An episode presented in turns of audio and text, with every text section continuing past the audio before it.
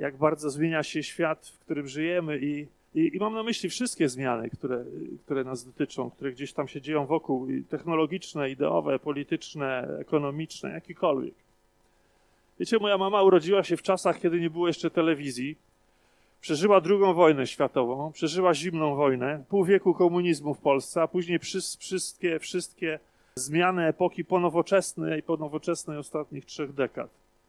Ale nie trzeba żyć 93 lata, tak jak ona żyje, żeby patrzeć ze zdumieniem wokół siebie na ten świat, który nas otacza, który jest coraz bardziej zwariowany i, i coraz mniej dla nas zrozumiały, który wiruje w, w takim coraz bardziej zwariowanym korkociągu, jak samolot, który, który obserwujemy, nie wiedząc, czy jeszcze pilot zdoła go poderwać do, do góry, wyprowadzić do poziomego lodu, lotu, czy też zakończy się to katastrofą. E, coś wam przeczytam, kilka zdań. Wspólną cechą ponowoczesnej teorii społecznej jest przekonanie o powstaniu nowego typu społeczeństwa, społeczeństwa ponowoczesnego i głębokim kryzysie obowiązujących dotychczas teorii społecznych, niezdolnych do sprostania wynikającym z tego faktu wyzwaniom poznawczym. Osią ponowoczesnej teorii społecznej jest wielostronna krytyka nowoczesności, a zwłaszcza charakterystycznych dla niej wyobrażeń historii jako procesu mającego określony kierunek i sens, społeczeństwa jako systemu odznaczającego się wewnętrznym ładem i podatnego na planowe działania reformatorskie, nauki jako poznawania obiektywnej rzeczywistości, które jest zdolne wyzwolić się od przypadkowych uwarunkowań i ograniczeń. Według ponowoczesnej teorii społecznej nadszedł koniec wszelkich wielkich opowieści, metanarracji, których podłożem była iluzja istnienia w świecie dającego się odkryć porządku. To za państwowym wydawnictwem naukowym. Nic dziwnego, że czujemy się coraz bardziej pogubieni, żyjąc właśnie w takich realiach. Coraz mniej rozumiemy ten, ten świat, który nas otacza, ludzi, pomiędzy którymi żyjemy. żyjemy.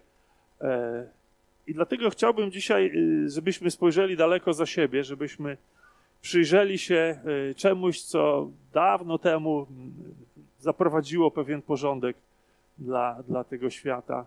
Porządek, którego świat niekoniecznie chce chce y, przestrzegać. Tak cofnijmy się ze dwa tysiąclecia y, i zaraz się okaże, o czym będę dzisiaj mówił.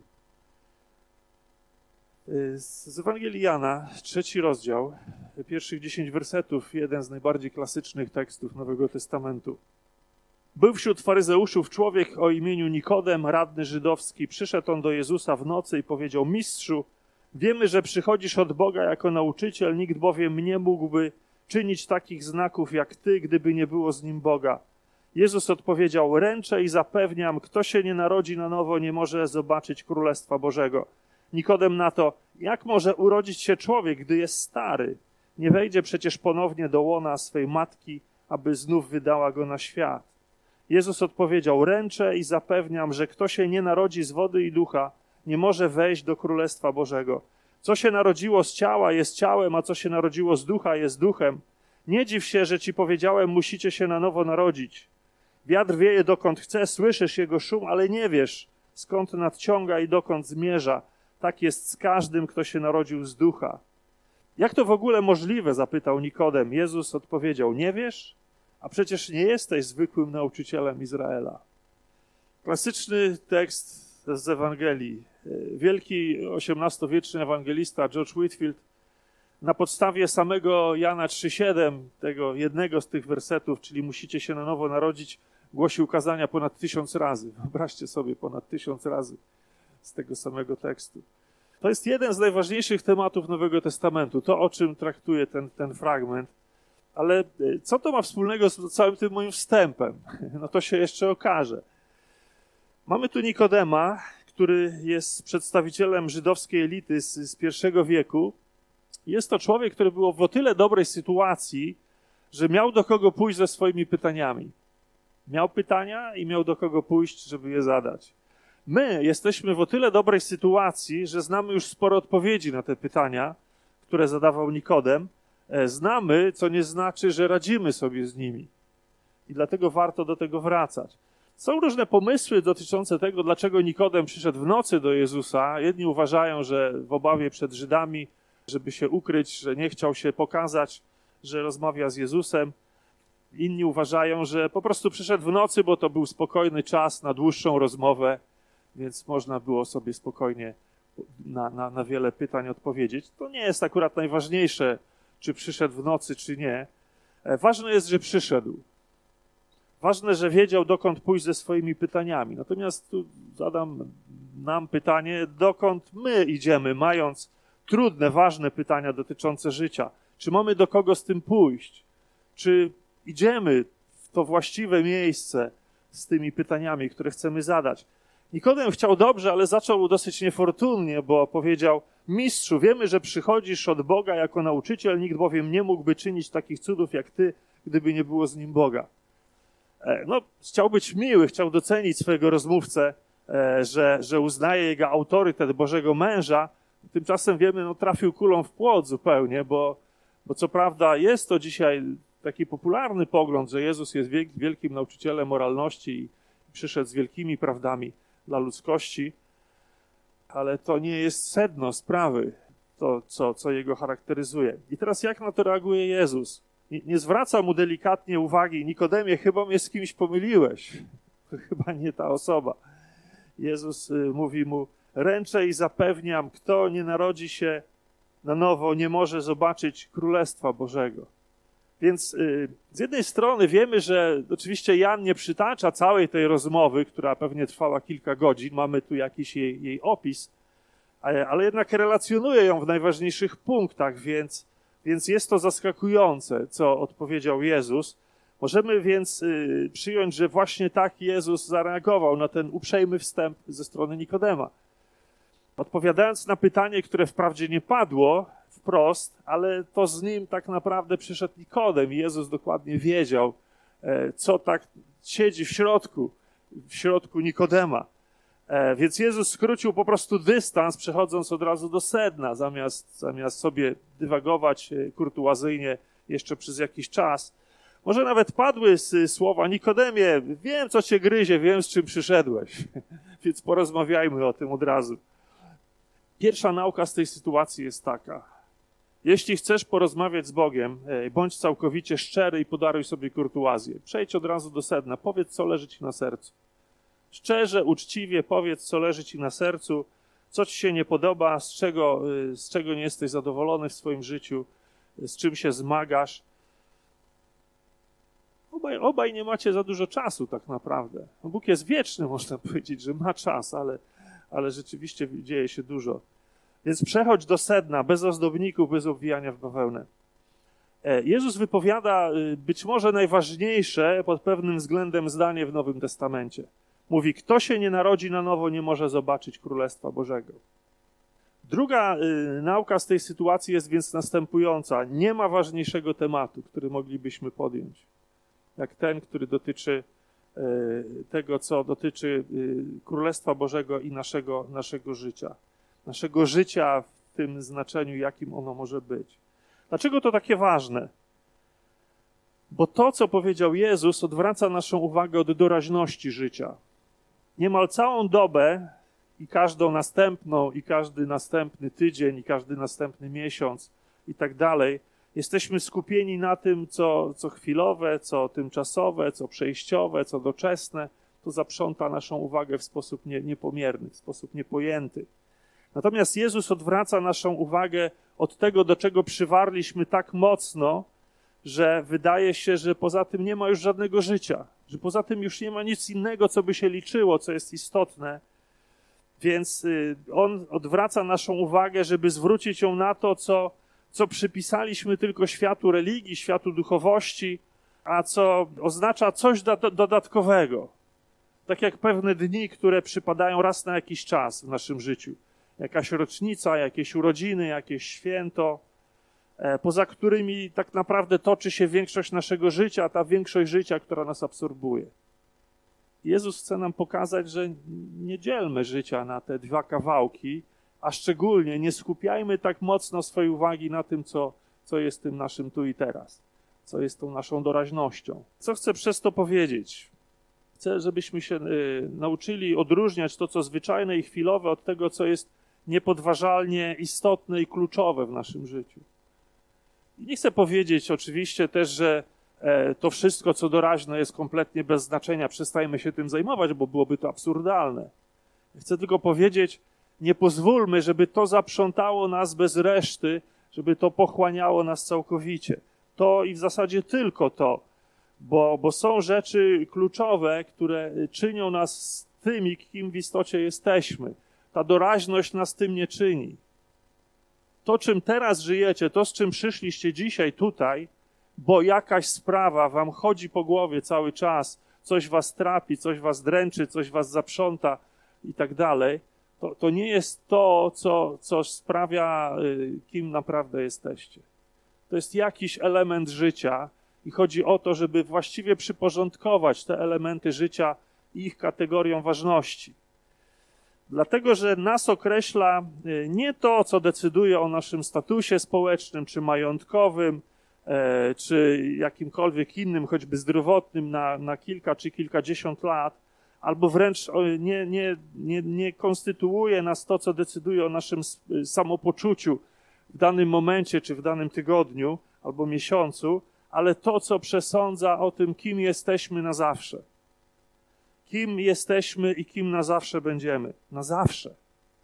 Pamiętajmy, na zawsze.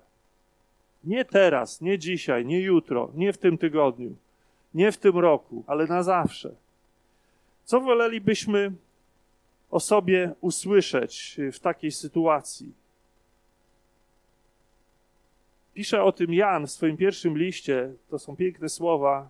E, Drodzy, teraz jesteśmy dziećmi Boga, a kim będziemy, to się jeszcze okaże. Choć już wiemy, że gdy się okaże, będziemy podobni do Niego, gdyż zobaczymy Go takim, jakim jest. Czy wolelibyśmy usłyszeć coś, co może zaspokoi nasze ambicje na teraz, ale okaże się bez znaczenia za, za 5-10 lat, a może okaże się bez znaczenia już za miesiąc. Samo słowo ujrzeć, to, to właśnie nie, nie można ujrzeć, y, nie może zobaczyć Królestwa Bożego, nie może ujrzeć Królestwa Bożego. To słowo greckie eido, ono znaczy tyle, co doświadczyć czy poznać. Czyli nie chodzi o takie, wiecie, przyjrzenie się Królestwu Bożemu gdzieś z oddali, tak jak patrzymy na jakieś piękne widoki, na jakieś zabytki. E, chodzi o to, że e, żeby prawdziwie doświadczyć czy poznać życie w Królestwie Boże, Bożym tak dogłębnie. I może tego do, doświadczyć jedynie ten, kto otrzymał duchowy sposób patrzenia. Dla każdego innego będzie to głupia koncepcja, albo może to być jedynie głupią koncepcją, jakaś religijna utopia, czy, czy coś, czemu ktoś nada swoje znaczenie, więc może z gruntu fałszywe czyimś zdaniem. Więc Wielu ludzi tego nie pojmie, wielu ludzi to odrzuci i się nie z, tym, z tym nie zgodzi. Taka jest prawda, nic na to nie poradzimy. Natomiast chodzi o to, żebyśmy my nie byli takimi, którzy, którzy gdzieś to odsuną na bok. Nie powiem, że odrzucą, bo jako wierzący ludzie tego nie odrzucimy, ale, ale gdzieś odsuną na bok jako coś, coś mało znaczącego. Nikodem reaguje na słowa Jezusa jak ktoś, kto, kto nie wie o co chodzi właściwie. Mówi, E, jak może urodzić się człowiek, gdy jest stary? Nie wejdzie przecież ponownie do łona swej matki, aby znowu wydała go na świat. Nikodemie, naprawdę nie rozumiesz? Wydawałoby się, powiedziałby, powiedziałby Jezus. Naprawdę nie rozumiesz języka metafory, którym się posługuje. Myślę, że, e, że on e, nie podejrzewał Jezusa o to, co sam wyartykułował, że Jezus mówi o tym właśnie, co on powiedział bo przecież nie chodziło Jezusowi o to, byłoby to kompletnie absurdalne. Chyba po prostu nie bardzo wiedział, co, co ma powiedzieć w tej sytuacji. Może chciał zyskać na czasie, zastanowić się. Ale Jezus jest cierpliwy i wyrozumiały i odpowiadając, rzekł mu, ręczę i zapewniam, że kto się nie narodzi z wody i ducha, nie może wejść do Królestwa Bożego. Co się narodziło z ciała, jest ciałem, a co się narodziło z ducha, narodziło z ducha, jest duchem. Czyli Jezus tłumaczy mu spokojnie, mówi: Tutaj nie chodzi o poglądy, Nikodemie, tu nie chodzi o poglądy, tu nie chodzi o to, czy to zrozumiałeś, czy nie zrozumiałeś, czy przyjąłeś, czy nie przyjąłeś jakąś prawdę w swojej głowie. Tu, nie chodzi o zmianę przekonań. Nie chodzi o to, żebyś teraz zaczął y, mieć inne zdanie na ten temat. Tu nie chodzi o to, że, że coś zrozumiesz. Tu chodzi o coś daleko więcej daleko, daleko więcej niż to, co, co wymieniłem. I niestety problemem wielu kościołów jest to, że zadowalają się czyjąś zmianą poglądów, zadowalają się zmianą przekonań. Zmianą, która z katolika zrobi protestanta. E, ktoś y, stał się baptystą lub kimś podobnym, zmienił przekonania, y, zrozumiał, przyjął nową, nową naukę, przyjął nową prawdę i, i, to, i to sprawiło, że teraz według tego żyje. Pojawia się woda, ktoś w, tym, w, tym, w tych słowach Jezusa pojawia się woda, więc ktoś pomyśli, że jeszcze trzeba może do tego dodać chrzest. Tak, ale to też nie załatwia sprawy. Trzeba dodać, ale to też nie załatwi całej sprawy. Co ciekawe, y, kiedy Jezus o narodzeniu na nowo mówi, yy, używa słowa, które równie dobrze może oznaczać narodziny z góry. Czyli kiedy mówi, kto się narodzi na nowo, to tak jakby mówi, kto się narodzi z góry. Czyli to przyjmie z góry to narodzenie, czyli przyjmie od Boga. Czyli nie tyle chodzi o powtórzenie czegoś, ile o otrzymanie czegoś zupełnie nowego na nowy sposób. Wyjaśniając to dalej, używa określenia, kto się nie narodzi z wody i z ducha. I co ciekawe, to pierwsze y, z wody, tak jak wspomniałem, wcale nie, nie oznacza chrztu, ale prawdopodobnie tak często się to tłumaczy, właśnie oznacza fizyczne narodziny. To jest pewna metafora fizycznych narodzin. To, o czym wspomniał Nikodem, właśnie, to, to nie wejdzie przecież ponownie do łona, do łona matki swojej, aby znów wydała go na świat. Czyli do Królestwa Bożego, owszem, wchodzą ludzie, którzy narodzili się fizycznie, bo, bo, bo mowa jest o ludziach, ale to drugie narodzenie z góry to jest narodzenie duchowe, to jest narodzenie właśnie z ducha. I muszą, muszą doświadczyć jakby i jednego, i drugiego. Więc, więc Nikodemie, no, owszem, mowa jest o, o, o narodzeniu fizycznym, ale, ale najważniejsze jest to, to drugie fizyczne, to drugie narodzenie. I dalej Jezus mówi, mówi bardzo ważną rzecz. Co się narodziło z ciała jest ciałem, a co się narodziło, narodziło z ducha jest duchem. Mamy dwie rzeczywistości w tym, co nas otacza. Jest rzeczywistość fizyczna, ta rzeczywistość doczesna i, i rzeczywistość duchowa, ta rzeczywistość wieczna. One się nie mieszają. One pozostają stałe. One pozostają stałymi elementami naszymi, naszego życia, takimi dwoma filarami, na których, na których y, stoimy. Co jest ludzkie, pozostaje ludzkim. Co jest Boże, pozostaje Bożym.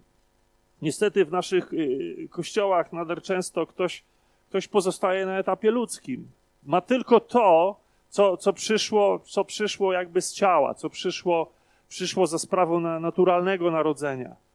E, narodził się, jest człowiekiem, można powiedzieć, jest mężczyzną w wieku takim i takim, ma taki wygląd, takie przekonania, takie myślenie i tak dalej. Więc jest wszystko, co go, co go określa, to jest ta fizyczność. To są te, te cechy z dołu, te cechy z ziemi, te cechy, które przyszły stąd i są, i są jego udziałem.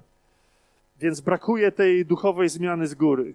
Tego czegoś, co musi przyjść z góry, rzeczywiście przyjść spoza nas. Nie na zasadzie coś zrozumiałem, na zasadzie coś przyjąłem, z czymś się zgodziłem, czymś zmieniłem swoje myślenie, musi przyjść pewne, pewne nadnaturalne działanie z góry. I to jest wielki problem, jeśli tego nie ma, jeśli to nie nastąpiło, i to jest problem, który rodzi następne problemy. To jest długi temat i raczej na inną okazję. Natomiast y, musimy sobie zadać pytanie, y, każdy musi zadać sobie to pytanie, czy narodziłem się z góry? Nie jest to pytanie, które często pada w kościołach i może szkoda, ale to pytanie jest niezwykle ważne. Czy moje narodzenie jest z ducha? Czy to jest jedynie sprawa zmiany myślenia? Czy to jest jedynie sprawa przyswojenia sobie pewnych, pewnych y, zasad, doktryn, idei, z którymi się zgodziłem, które mój umysł zaaprobował e, i ja, za tym, y, ja się pod tym podpisuję? Jeśli zatrzymam się y, na tym etapie i nie pójdę dalej, na tym etapie właśnie tego, tego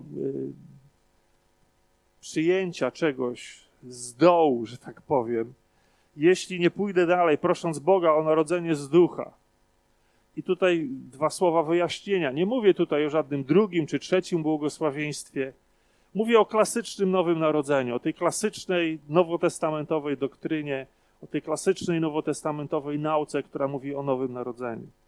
O, o, o tym, co też w języku teologii nazywa się odrodzeniem. Czyli czymś, co przychodzi z góry, co, czymś, co przychodzi od Boga czymś, co dokonuje w człowieku niesamowicie, niesamowitej zmiany, niesamowicie gruntownej przemiany całego jestestwa. Więc, y, więc y, jeśli zatrzymam się na, na tym pierwszym etapie, to zrobię problem sobie i zrobię problem innym, bo, bo moje nieprzemienione życie będzie wielkim ciężarem dla wszystkich. Problem będzie tym większy, że y, będę żył w przekonaniu, że, że moje życie jest przemienione, a one nigdy nie zostało przemienione. I w związku z tym no, będę próbował, czy ktoś inny będzie próbował na różne sposoby tłumaczyć moje zachowanie i, i, i znaleźć wyjście dla tego zachowania jakimś tam y, racjonalnym y, wyjaśnianiem, że trzeba tu zmienić postępowanie, tam coś zmienić w myśleniu i tak dalej, podczas gdy rzeczywiście musi coś nastąpić, co musi przyjść z góry. Musi przyjść od Boga i być bezpośrednim działaniem Ducha Świętego w naszym życiu. Bez tego możemy się starać, możemy się męczyć, możemy wy wykonywać różne ćwiczenia duchowe, i one gdzieś tam posuną nas do przodu, trochę poprawią naszą, naszą, naszą sytuację, ale nie doprowadzą do gruntownej zmiany. Natomiast to przemienione życie, to odrodzone, ży odrodzone życie będzie wielką ulgą. Wielką ulgą dla tego, kto tego doświadczy, i wielką ulgą dla tego, którzy, którzy wokół niego żyją.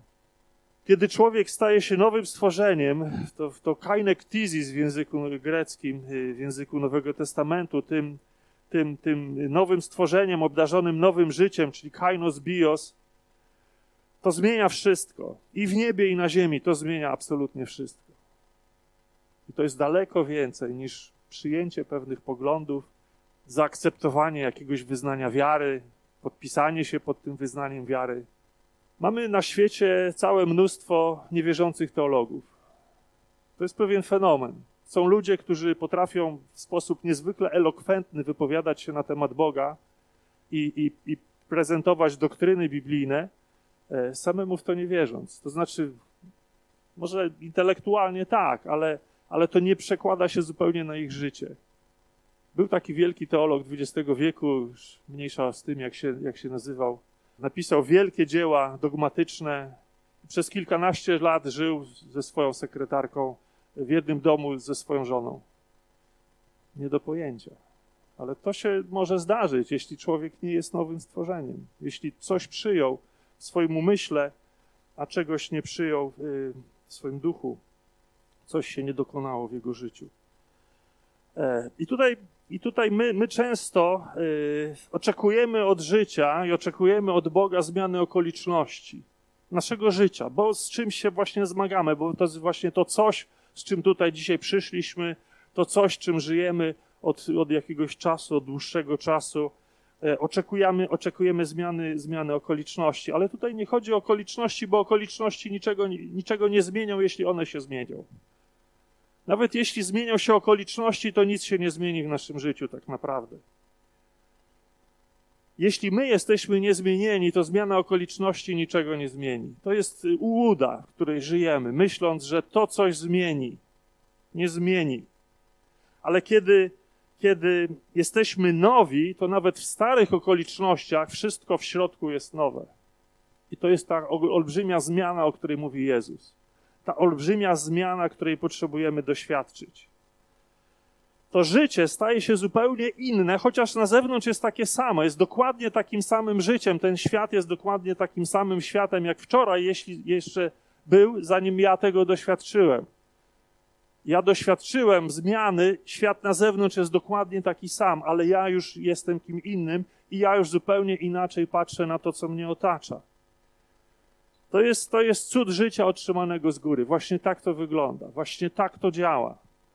To jest jakby, używając współczesnych metafor, to jest jakby gruntowny upgrade naszego oprogramowania. Ale w istocie jest znacznie więcej, dużo więcej. W wersecie szóstym Jezus mówi, że jeśli coś się narodziło z ciała, takim pozostanie i, i można to nieznacznie poprawić, ale to wszystko, co możemy zrobić. Ale jeśli coś się narodziło z ducha, to otrzyma nowe życie i stanie się czymś całkowicie nowym to, to, to, to słowo, to, to nowe, to, to kainos bios, to określenie w, w języku biblijnym oznacza coś nowe, nie na zasadzie, że świeżo wyprodukowane, ale nowe, czyli całkowicie całkowicie inne od tego, co jest stare. Nie tylko na zasadzie, że ma nowe części, ale jest kompletnie inne. Jest kompletnie inną wersją tego, co było dotąd. Więc y, te dwa rodzaje życia są całkowicie od siebie różne i jakościowo dzieli je, dzieli je całkowita przepaść. Warto też zauważyć na jeszcze jedną rzecz.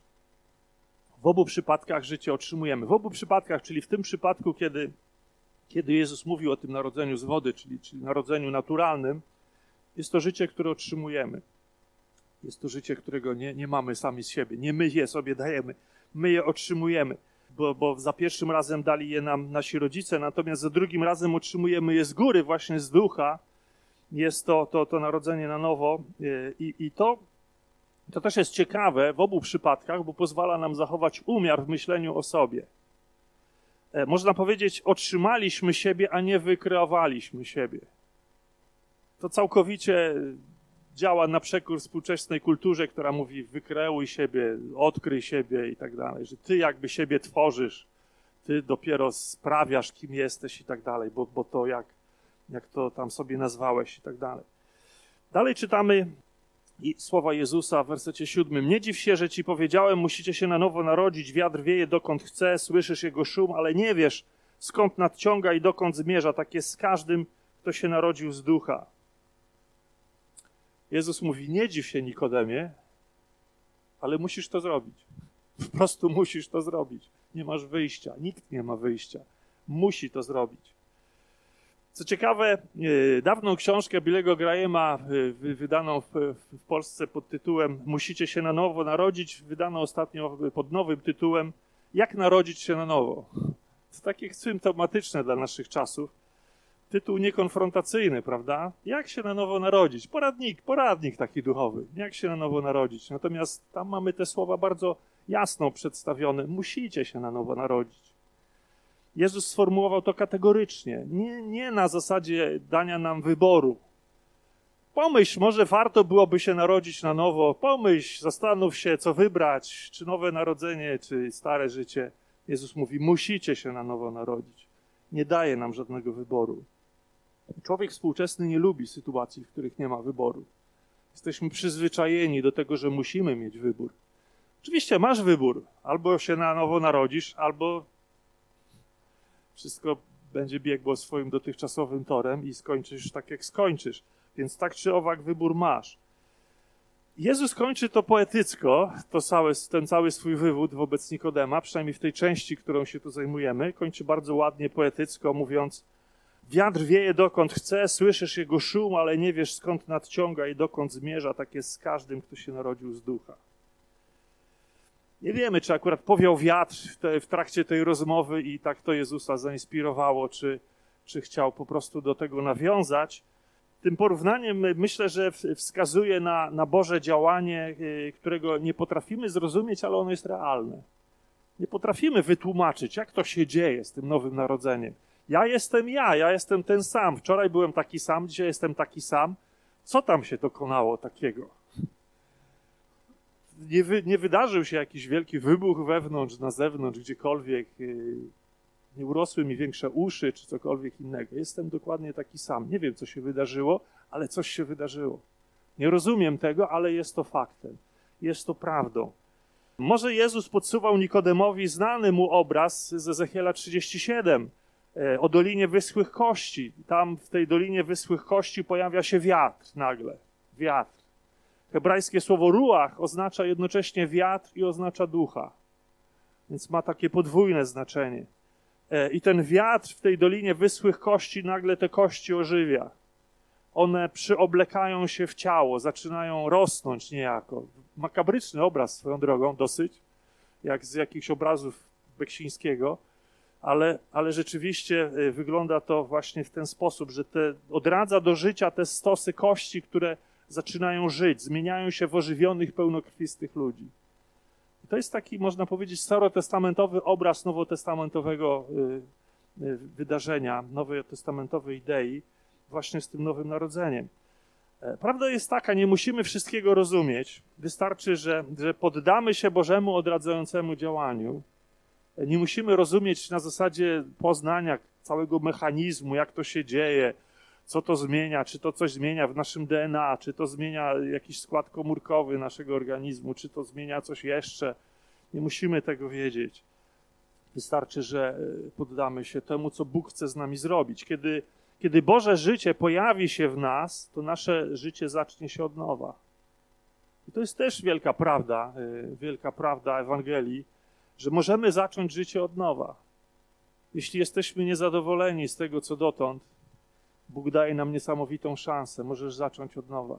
Możesz zacząć z nowym życiem. Możesz zacząć z czystą kartą.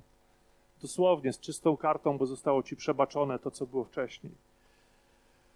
Więc zacznie się od nowa, ale zacznie się pełniej niż kiedykolwiek wcześniej.